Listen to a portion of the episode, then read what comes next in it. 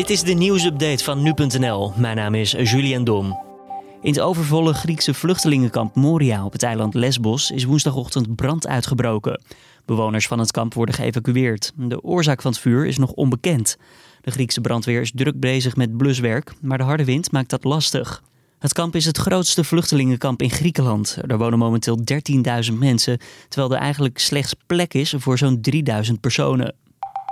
Onderzoek naar een coronavaccin door de Universiteit van Oxford en farmaceut AstraZeneca is tijdelijk stilgelegd. Bij een van de Britse proefpersonen is mogelijk een serieuze bijwerking opgetreden. Verdere details hierover zijn echter niet vrijgegeven.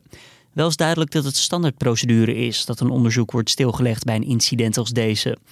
Het is mogelijk dat de proefpersoon bijvoorbeeld ziek is geworden, maar dat dit niets te maken zou hebben met het onderzoek.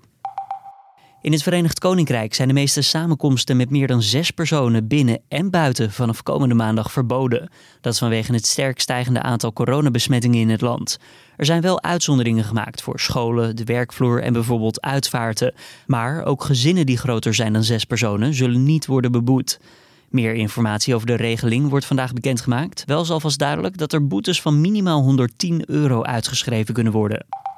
Het Amerikaanse leger heeft dinsdag ongeveer 100 mensen gered van de hevige natuurbranden die de Amerikaanse staat Californië teisteren. Met helikopters werden ze grotendeels gered uit het gebied.